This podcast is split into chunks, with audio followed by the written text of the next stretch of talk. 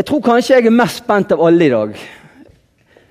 Eh, jeg sa ja til å tale over dagens tekst fra Johannes 20, 24-31 om, eh, om, eh, om Thomas som tvilte på det som de andre disiplene sa, at de hadde, fått, at de hadde møtt Jesus. og Så begynte jeg å forberede meg det. og Jeg var kommet langt i forberedelsen. Og så bare kjente jeg Gud kom til meg og sa Bjørn, det der kan du bare legge vekk. Det er ikke den retningen jeg vil på dette møtet. Jeg vil at du skal eh, gå i en annen retning. Og Derfor så eh, må jeg skuffe dere som eh, trodde det at dere skulle få dagens tekst i dag. Eh, jeg kommer tilbake om fire uker. Hvis ikke Gud vil, vil noe annet, så tror jeg jeg kan love at da skal jeg prøve å, å holde meg til, eh, til, dagens tekst. Men jeg kjente det at, eh, at Gud ønsket at jeg skulle dele noe fra livet mitt. Noe som jeg kjenner at han har lagt på mitt hjerte. Eh, og så får vi se hvordan det går. Eh, vi her i Betlehem, i Bergens Indremisjon, eh, vi er i en prosess. Eh, og vi er en endring. Og vi har lyst ut fem stillinger. Vi holder på å omorganisere oss eh, på en måte som er veldig radikal. Og, og, vi er ikke alene. Det er mange som har, har, organisert seg på den måten som vi skal organisere seg på lenge siden i, i, i, i forskjellige menigheter. Og jeg tror det er veldig riktig. Eh, og eh, Glenn han har òg hatt noen samlinger, eh, noen søndager, om at menigheten vokste ved hjelp av Den hellige ånd. Og jeg, eh, jeg tror det at, eh, at ikke det er tilfeldig. Jeg tror det er en grunn til det. Og jeg har kjent veldig i mitt liv at Gud holder på å gjøre noe. Og jeg, jeg, kjenner hvordan Gud kommer til meg og sier Forbered deg, Bjørn. Forbered deg for det som jeg skal gjøre i livet ditt. Og Jeg vet ikke hva han skal gjøre, og hva han tenker på, men jeg kjenner det at Gud holder på å gjøre noen endringer i livet mitt, og jeg tror det er en grunn til det. Og eh, jeg har kjent veldig på det i den senere tid, at jeg tror at tid nærmer seg. Det mennesket i alle år enten har sett fram imot eller fryktet for. Jeg tror vi nærmer oss den tiden der Jesus skal komme igjen. Jeg tror vi er ny, mye nærmere Jesus' gjenkomst enn det vi er klar over. Og jeg tror det at det er en tid der vi kristne må forberede oss. Vi må forberede oss for å bli brukt av Gud. For jeg tror jeg tror det kommer en vekkelse før Jesus kommer hjem. Jeg tror Gud ønsker å bruke oss og være med og befolke himmelen. Jeg tror Gud ønsker at vi skal dele troen vår. Dele ut evangeliet. Vi skal innta denne byen, vi skal innta Norge, vi skal innta Europa. Før Jesus kommer. Jeg tror det er Guds nåde. Og jeg tror det ligger noe foran oss. Jeg sier ikke at det er sånn, jeg sier jeg tror det er sånn. Og jeg, jeg, og jeg tror det, jeg tror ikke, sånn som Bergen, jeg tror ikke Gud skal bruke Bergens Indremisjon, Salem, Kredokirken, Kristkirken Jeg tror Gud vil bruke enkeltmennesker. Enkeltmennesker som stiller seg til disposisjon for ham. Enkeltmennesker som han får lov å fylle, og som han får lov å prege. Det står i, i, i profeten Joel 3, eh, de første versene, så står det i forbindelse med, med før endetiden at, at, Gud vil utgyde sin ånd over alt kjøtt. står det. Og det står, at, eh, det står vel litt at unge eh, menn og kvinner skal eh, eh, tale profetisk. Eh, gamle menn skal ha drømmer. unge menn skal ha syner osv. Og, og så står det at det skal være tegn på himmelen og på jorden det, det kommer til å skje noe.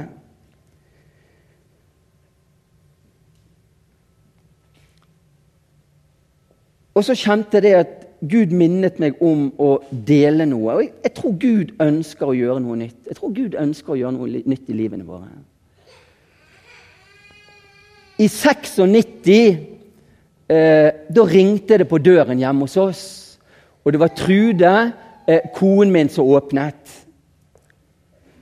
Og Der sto det en mann, og han spør om å få snakke med meg. Og Trude roper til eh, Bjørn, det er til deg, og jeg kommer ut der. Og der står det en mann. Eh, han, eh, jeg så han var helt våt i øynene. Jeg så han hadde grener. Og så sier han, 'Bjørn, jeg har et ord til deg ifra Gud', sa han. 'Jeg har et ord til deg som Gud har bedt meg gå til deg med dette ordet.' Og du skal vite at dette ordet er fra Gud, sa han. Og det ordet står i profeten Jesajas 58, vers 11.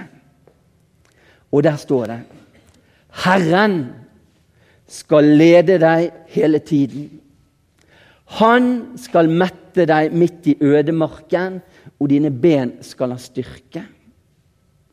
Du skal bli som en vannrik hage, som et kildevel der vannet aldri svikter. Det ordet fikk jeg fra denne mannen fra Gud.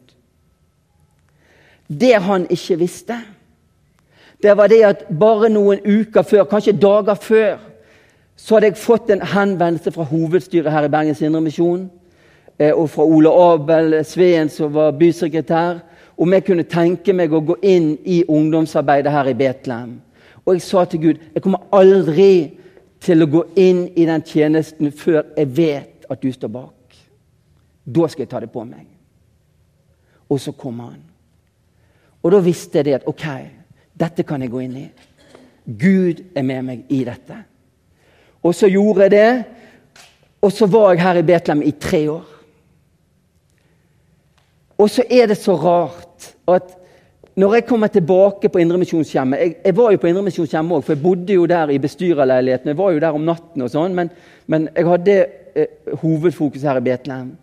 Og Så kom jeg tilbake til Indremisjonshjemmet, og så ser jeg det at i løpet av de tre årene jeg var her i Betlehem, så ser jeg hvordan Gud hadde formet meg. Hvordan Gud hadde forvandlet livet mitt, hvordan Gud hadde forvandlet hjertet mitt, sånn at jeg kunne gjøre en mye bedre jobb i, på Indremisjonshjemmet i Olendergaten. Eh, og jeg ser hvordan jeg, jeg, trengte virkelig de tre årene her i Betlehem. Eh, og at Gud formet meg, og at Gud brukte meg. For ca. to år siden eh, så satt jeg i et møte med en ansatt eh, fra Nav Bergenhus. Hun hadde en klient som bodde på Indremisjonshjemmet, og vi hadde et møte med denne klienten. Og så Etter det møtet så ble hun sittende igjen, og så satt vi og pratet sammen. Og Så sa hun til meg at eh, vet, 'Har du hørt om Sara Young?' Nei, det tror jeg ikke. Ja, nei, du skjønner det Jeg har en andagsbok hjemme som jeg er blitt så glad i, som heter 'Jesus kaller på deg', som hun har skrevet. Og så hadde jeg så lyst til å gi den til deg, Bjørn, for han betyr så mye for meg. Og så ville jeg at du òg skulle ha denne andagsboken. Og så sa jeg ja, det var jo flott, men du skjønner det at de er utsolgt. så De får ikke den inn før om en og en halv uke. Men om en og en halv uke eh, da skal de få, og da kommer jeg med denne boken. Og så kom hun med denne andagsboken fra Sara Jung som heter 'Jesus kaller på deg'. Og Allerede fra dagen etter så begynte jeg å lese i denne andagsboken. og Den har vært til enormt stor velsignelse for meg. For det har vært enormt fokus på Jesus og følge han hver dag. Og det har vært en stor oppmuntring om eh, å ligge livet sitt i Guds hender og la Han prege deg. Eh, omtrent samtidig Jeg er med i en sånn kameratklubb her i, gutte, i, i, i Betlehem. Venner som eh, jeg fikk i ungdommen. Vi er åtte stykker som kommer sammen ca. én gang i måneden. Eh, og så har vi det kjekt sammen. Vi spiser godt av fellesskap, og så avslutter vi alltid med bønn. Og så ble vi enige om at, at eh, en av oss skulle lage en liste, en bønneliste, eh, for alle som vi som var i klubben. Ektefellene våre, barna våre, svigerbarn, eh, barnebarn for de som har det. Og så ble vi enige om at vi skulle be for eh, hverandre hver dag. Altså ligge hverandre inn for Gud hver dag. Og det har jeg gjort. Eh, og det har vært en enorm velsignelse. Og Da hadde jeg det lenge sånn at eh, jeg sto opp litt før resten av familien om morgenen.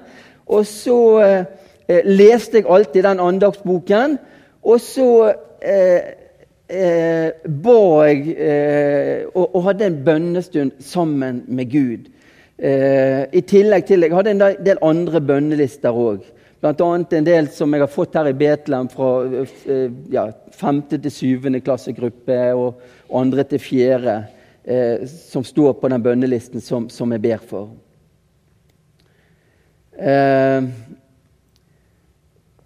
I fjor så satt jeg på kontoret mitt og så jobbet jeg med noe. og Så var jeg ferdig med det jeg skulle jobbe med.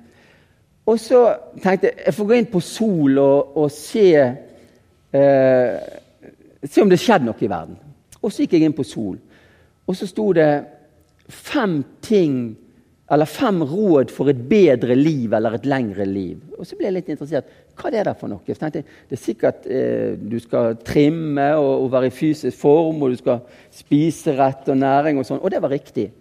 Eh, men så sto det én ting til. Det sto bl.a. at du skulle ta kontakt med fremmede folk, enten på, du sto på eh, busstopp eller i butikken, at det var sunt for deg osv. Men det sto en ting. Stå opp en time tidligere hver morgen. sto det. Det er sunt for deg. Og så kjente jeg det at jeg ønsker å stå opp en time tidligere enn jeg pleier hver morgen. Og den timen vil jeg gi til Gud. Den timen vil jeg bruke på Gud. Og allerede dagen etterpå så stilte jeg klokken en time før jeg pleide. Og så brukte jeg den sammen med Gud. Og så leste jeg andagsboken, og så var jeg i bønn til Gud. I januar i år da hadde Betlehem en sånn bønn- og fastehelg. Jeg tror det var første helgen i januar. Og så eh, kunne jo vi sitte oss opp der vi, vi ba kontinuerlig da, i hele døgnet. Og så kunne vi sitte oss opp på lister på å være med og be og faste i forsamlingen. Eh, og så prøvde jeg å logge meg inn, men jeg, jeg fikk det ikke til. Jeg er ikke flink på data.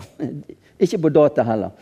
Så jeg ringte til Glenn og sa nå er, det, nå er det to timer igjen. De bare må jeg ha seg. Så det, det, du må sitte meg opp og ordne det. Og det gjorde han. Han satte meg opp på de listene. Det var fantastisk godt å få lov å, å være oppe på ungdomssalen her i, i, i, bønn til Gud og be for forsamlingen, be for byen vår og, og uh, be for de ansatte. Og så var det en av disse timene så så det lå noen sånne der uh, bibelleseplaner der. Uh, bibelportal, sto det. Og så tok jeg med meg en sånn, og så kjente jeg at eh, denne har jeg lyst til å bruke. Så allerede dagen før, eh, dagen etter, eh, så begynte jeg. Og da kunne du velge mellom tre. Du kunne lese lite, middels eller mye. Altså du kunne lese hele Bibelen på ett år. Og så kjente jeg at jeg har lyst å lese Bibelen på ett år. Og jeg har lyst til å fylle meg med Guds ord.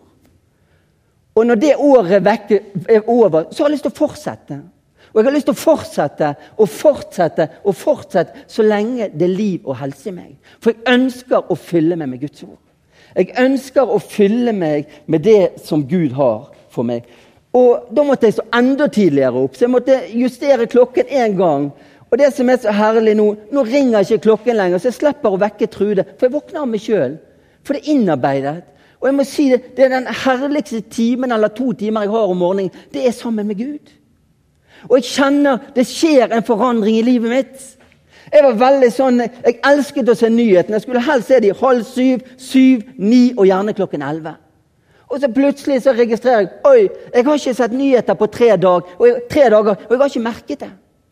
Det som var viktig for meg før, det ble plutselig, plutselig ikke viktig for meg lenger. Jeg måtte ikke lenger se nyhetene halv syv, syv og ni og, og elleve. Det skjedde ingen. Og jeg, jeg kjenner ikke det sted. Jeg kjenner ikke, Det savner ikke nyhetene i det hele tatt. Og det er, ikke, det er ikke det at jeg ikke ser nyhetene lenger, for det gjør jeg. Men det var ikke lenger viktig for meg. Det skjedde en endring. Og sånn tror jeg òg når Gud får lov å slippe til i livene våre, og vi begynner å fylle oss med Han, så skjer det en endring. Og den tiden om morgenen når jeg får ha sammen med meg sjøl sammen med Gud, det gir meg mye. Og jeg har over 120 stykker som jeg ber for hver dag. Kollegaer, beboerne på Indremisjonshjemmet, venner, familie. Fantastisk. Ekteskap, ektefolk. Får lov å ligge de ber om Guds beskyttelse over ekteskapene deres. Ber om Guds ledelse og Guds vilje. Og det gir meg enormt mye. En morgen jeg var i bønn til Gud, så bare kjente jeg Gud kom til meg. Så sa han, 'Bjørn, finn fram papir og blyant.' Og det gjorde jeg. Og så sa han det at, kjente Gud sa, 'Skriv ned navn på mennesker som du føler har gjort det vondt.' Mennesker som du føler har sviktet deg, og som du har grunn til å være bitter på eller føle sårhet mot. Sitte ned, og så skriver du ned navnet deres. Bare slapp av, damer. Det er bare menn som står der. Og bare slapp av, Atle. Det er ingen i familien. Og det gjorde jeg. Og det var, det var tre navn som kom ned der. Og så bare kjente Gud sa til meg de tre skal du be for hver dag. Du skal be meg velsigne dem. Du skal be meg lede dem. Du skal be meg være god imot dem. Og hvis du tror, Bjørn, at du skal først og fremst gjøre det for deres skyld, så tar du feil. Det er like mye for din skyld. For hvis du bærer noe sårhet og noe bitterhet mot andre mennesker, så binder det deg. Og jeg får ikke min vilje med livet ditt. For det låser deg, og det stenger deg. Og jeg skal love dere én ting. Hvis det var et fnugg av bitterhet eller sårhet gjennom mitt liv, så gikk det ikke mange dager når jeg la de framfor Guds åsyn hver morgen før alt var vekke. Og kjente meg fullstendig fri i forhold til de menneskene. Og kjente Gud ga meg heller en større kjærlighet til dem enn hat og bitterhet, som jeg hadde kjent på før, kanskje.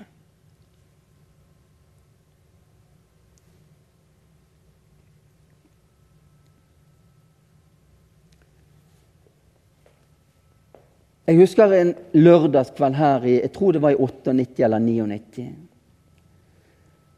Eh, da hadde vi, jeg tror, tror, vi hadde besøk av Jarle Berland. Han hadde en, en helg her i Betlehem.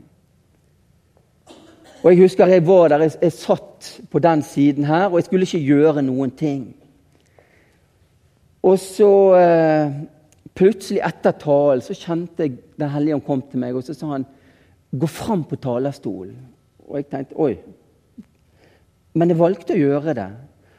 Og så sa de at eh, jeg tror det sitter en her inne som Gud kaller på. Jeg tror det sitter en her inne som er kommet til Betlehem i kveld for å bli frelst. Eh, og du kjenner det i hjertet, du vet at det er deg. Og jeg kjenner Gud ønsker at du skal komme frem, eh, så vi kan snakke sammen og så vi kan be sammen, så du kan bli frelst. Og der sto jeg, og ingen kom. Pinlig? Egentlig ikke, for jeg visste det var fra Gud. Og så satte jeg meg ned, og så gikk møtet videre. Og så gikk det helt mot avslutningen av møtet. Kjente jeg jeg skal gå frem en gang til. Og jeg husker det kom en bort til meg og sa jeg tror du skal gå frem en gang til, Bjørn. Og så gikk jeg fram og jeg sa det samme. Jeg kjenner det at det er en som er kalt av Gud, en som Gud ønsker å møte i dag og sette i frihet og du er kommet til Betlehem. Jeg tror du er en mann, og du er kommet for å bli frelst. Og mens jeg står der, så kommer det en mann inn døren der. Han hadde sittet på en benk ute i gangene. Han hadde ikke tørt å gå inn. Og så kommer han med løftet hånd, og så sier han, 'Det er meg'. Det er meg. Jeg kom til Betlehem i kveld for å bli frelst. Og så fikk jeg pratet litt sammen med han. Så fikk jeg delt Guds ord med han. Og så fikk jeg bedt sammen med han til frelse. Og så fortalte han om livet sitt. Han hadde vært en kristen tidligere. Han hadde vært en ressurs for Guds rike. Og så var det noe som var gått i stykker på veien, og så hadde han kommet på avveie. Og så fikk han komme tilbake. Og denne mannen traff jeg i palmehelgen på fergen. Jeg hadde vært i, i, i, på Karmøy, og så fikk jeg pratet med han. Og Da hadde han vært på noen møter på Bømlo eller et eller annet sånt. Og, og, og det strålte av han. Og så kjente jeg det. Gud, led meg ved din Hellige Ånd. Bruk meg, så jeg kan være lydhør til å høre din røst, slik at jeg kan få være et redskap i din hånd. Slik at andre mennesker kan få møte deg gjennom mitt liv.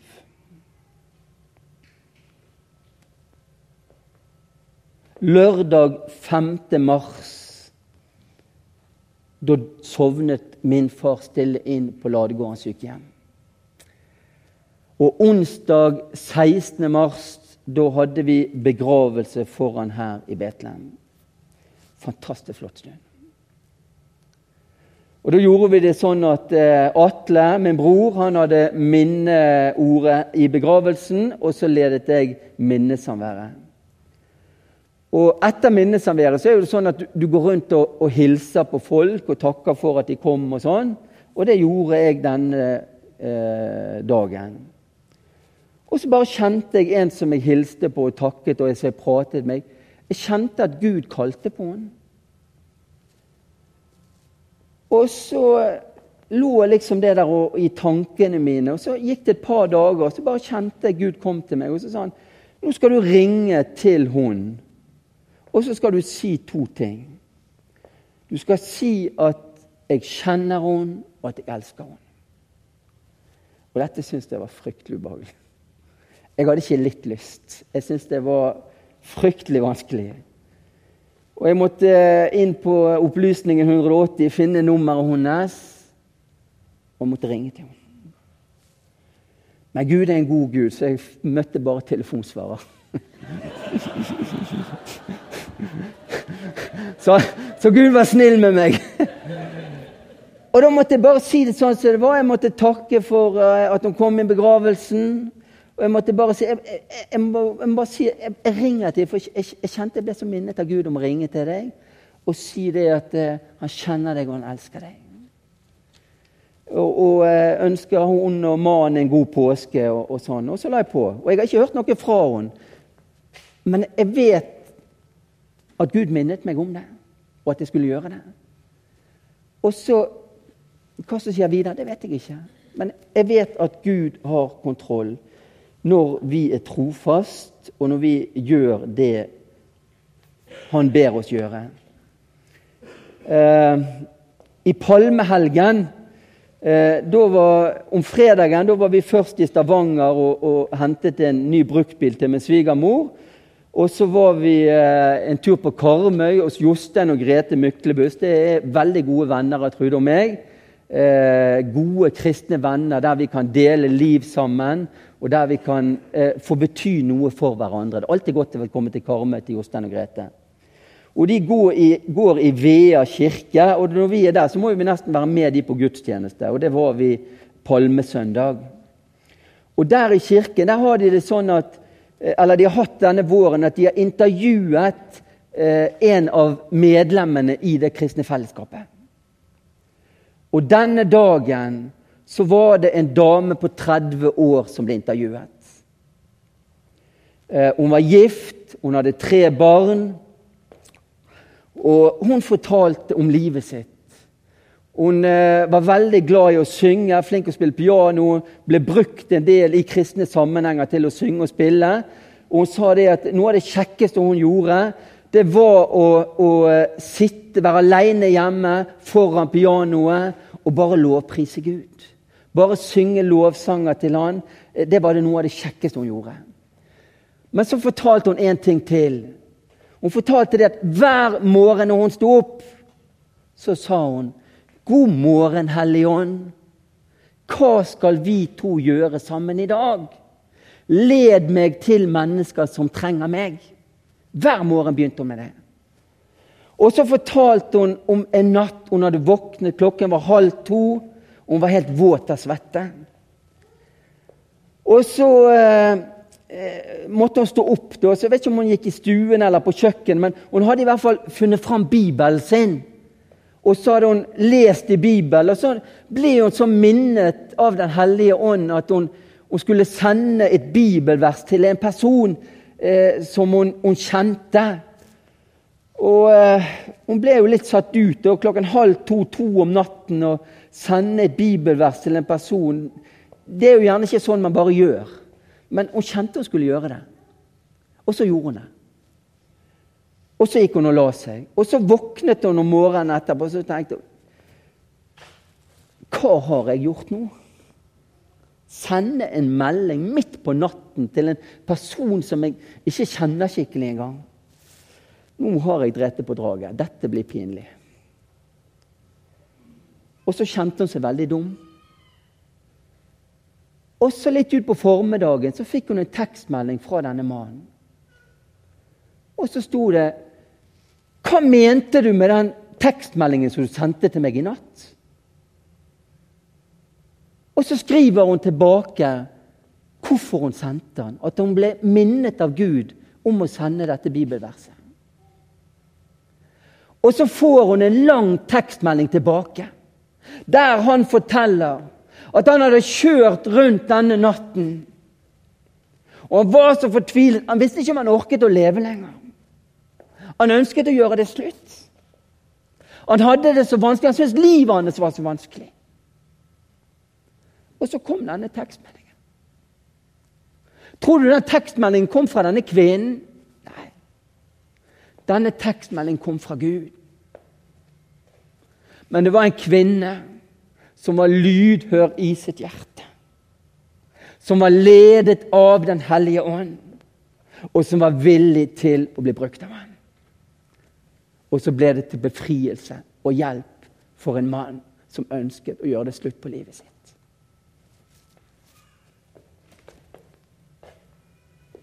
Gud brukte henne.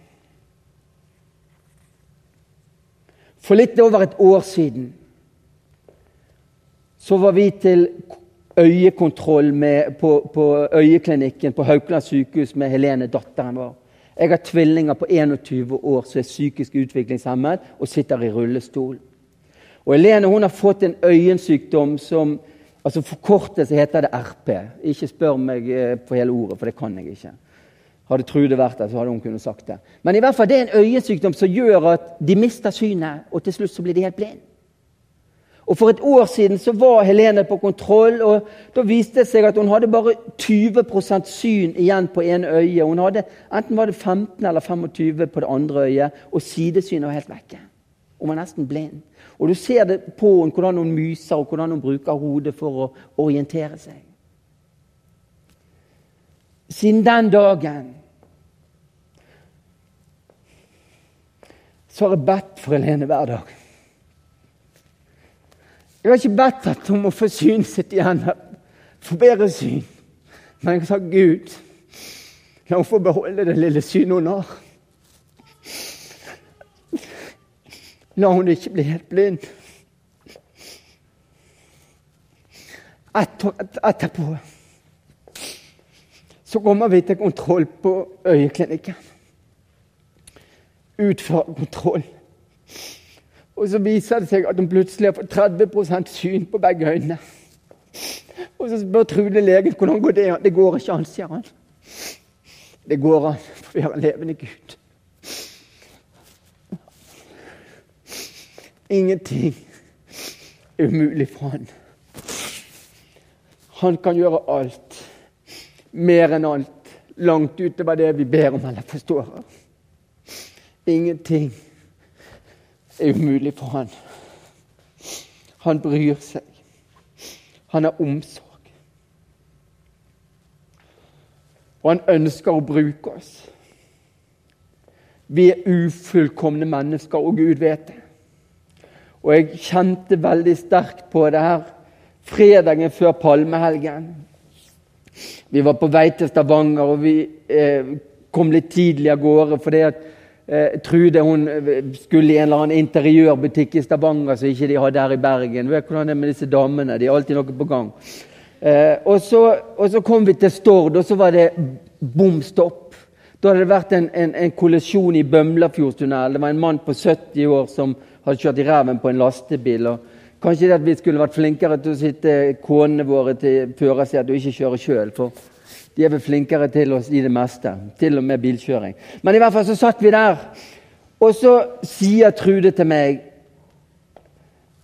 Jeg kjenner jeg er sint på deg, Bjørn. Og jeg kjenner jeg er skuffet over deg, og jeg kjenner jeg, jeg er lei meg, sa hun. Ja vel, sa jeg. Hva da? I begravelsen til din far, som hadde vært om onsdagen to dager før. Da kjente jeg at jeg var bare luft for deg. Du brydde ikke deg om meg i det hele tatt den dagen. Du brydde deg om alle andre og alt annet utenom din egen kone. Og det såret meg, sa hun. Og så kjente jeg etter, og så tenkte jeg tilbake på den dagen. Så kjente jeg tilbake på den begravelsen, og så kjente jeg det at hun har helt rett. Det er helt sant. Den dagen brydde ikke jeg meg om min kone, som har stått ved min side i 27 år.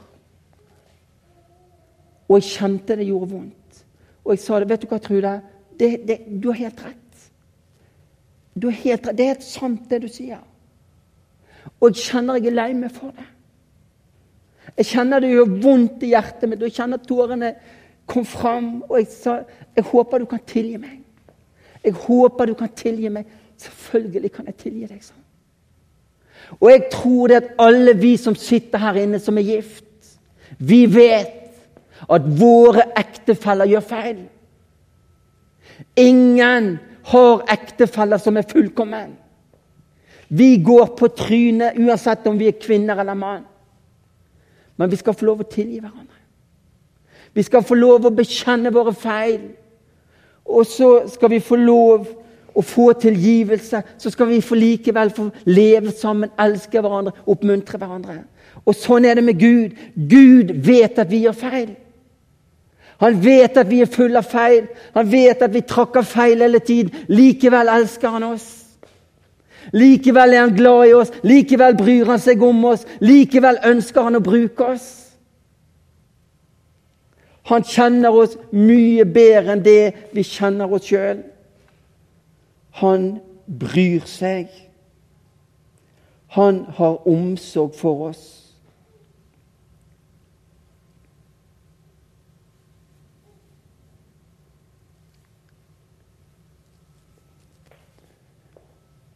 For to år siden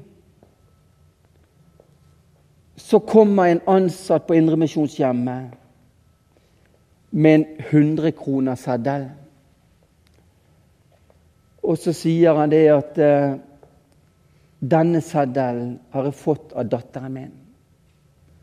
Hun var vel rundt seks år, kanskje syv år. Hun hadde mistet mange tenner i munnen, og så hadde tannfeen vært der, og så hadde det blitt 100 kroner.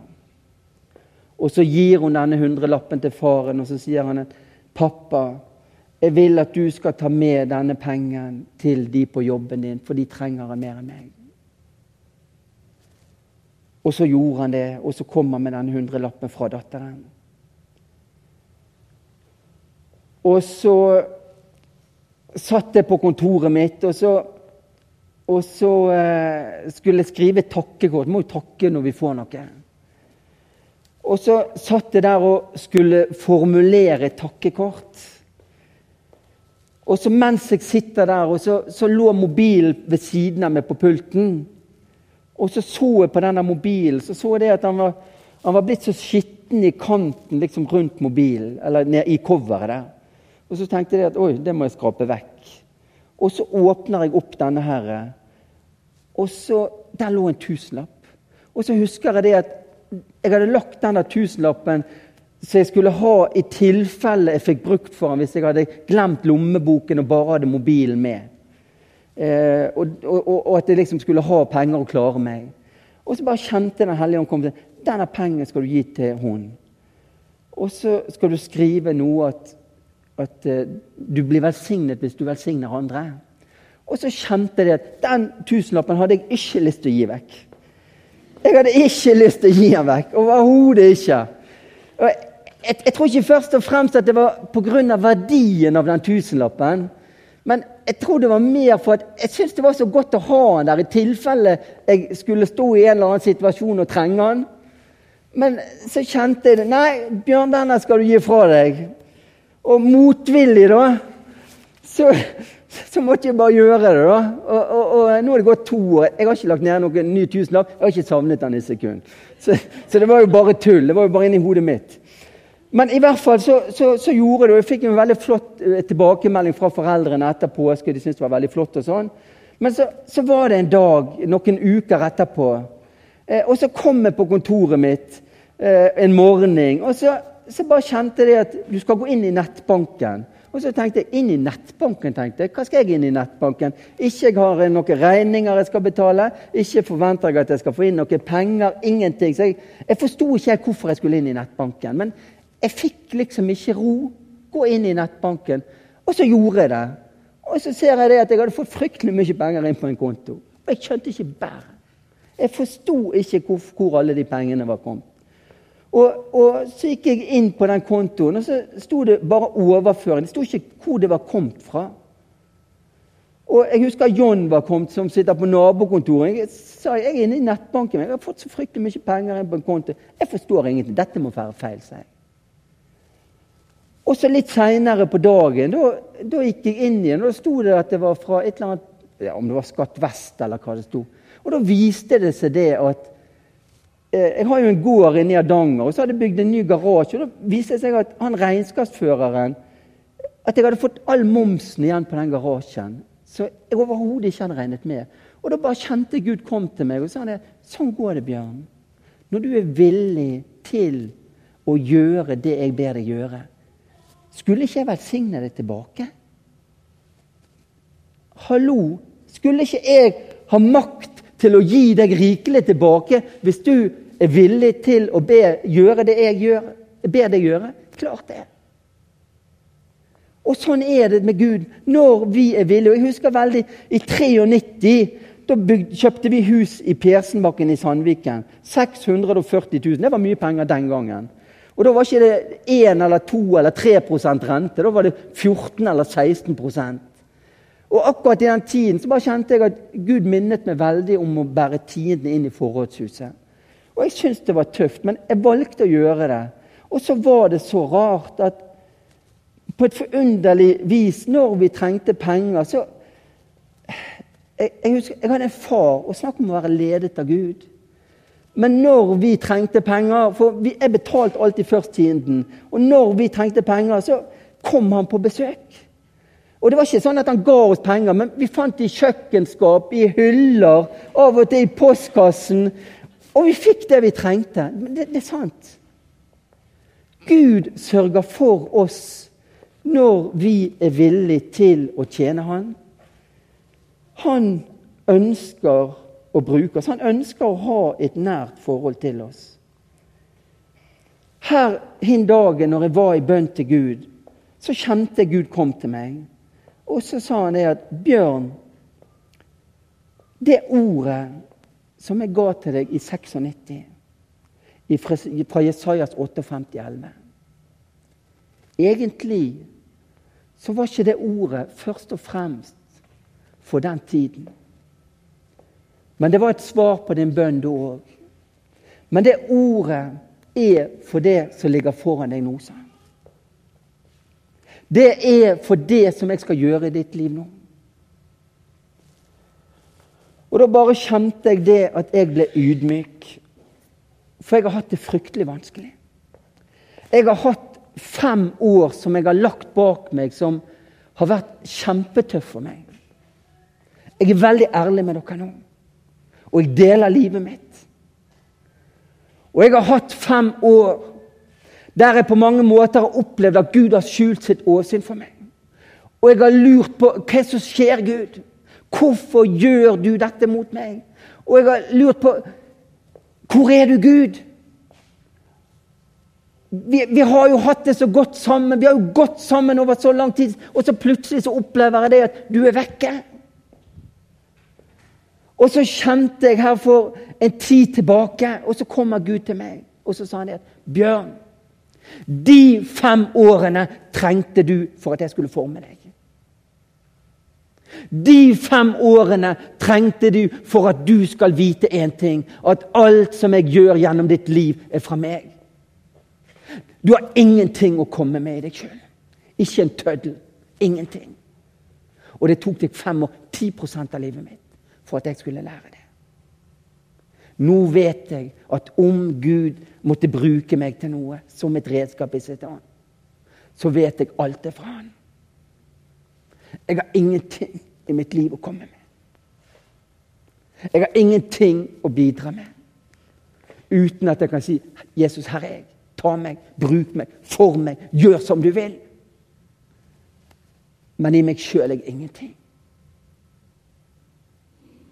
Skal Gud bruke oss, så må vi aldri tro at vi er noe. Å, det var en god tale i dag. Fantastisk. Takk og lov. Gi Gud ære. Ikke han som står på talerstolen. Han er bare et redskap. Det er Guds nåde at han vil bruke oss.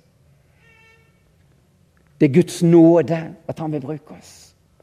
Og det er forunderlig at han har gjort seg avhengig av oss på den måten han har. Men vi må aldri glemme at han er vintreet. Vi er bare grenene. Uten han kan vi ingenting gjøre.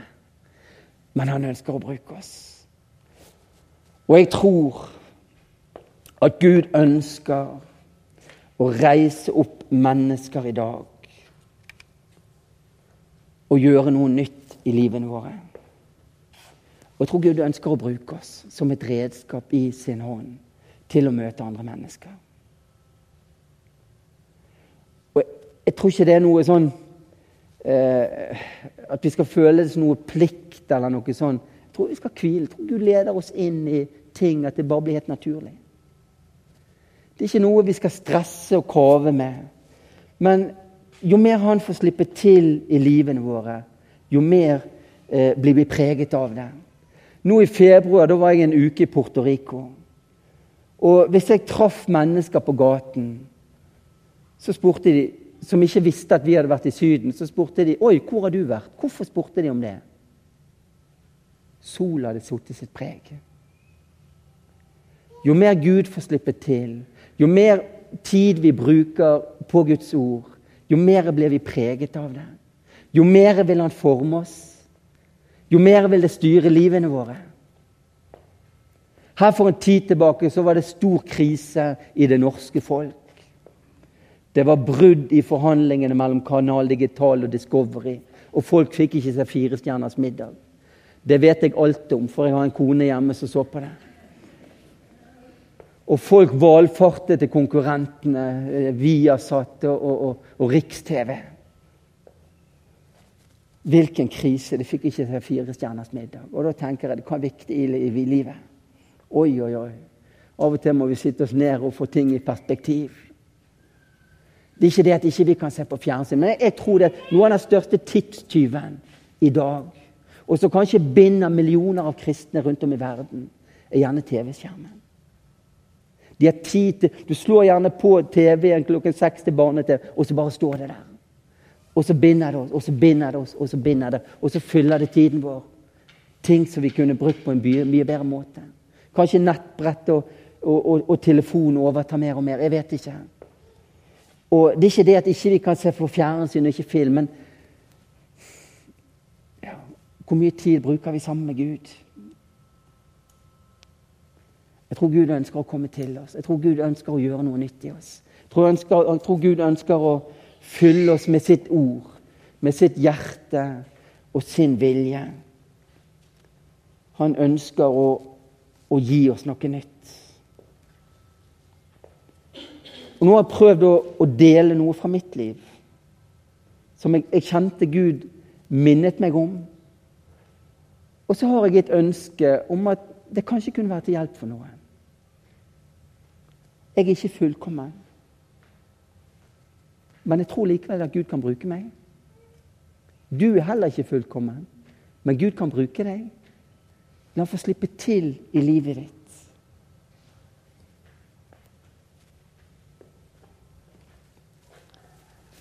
Kjære Jesus, takk for din nåde. Og takk for det at du kan bruke oss, Herre Jesus. Jeg ber om at du må gjøre noe nytt i våre liv som er fra deg. Skap noe nytt, Herre. Utrøst oss. Gi en nød for de ufrelste. Gi en nød for byen vår, Herre Jesus. At vi kan få se andre mennesker med dine øyne, med ditt hjerte. At vi virkelig kan få si at du kommer snart igjen, Jesus.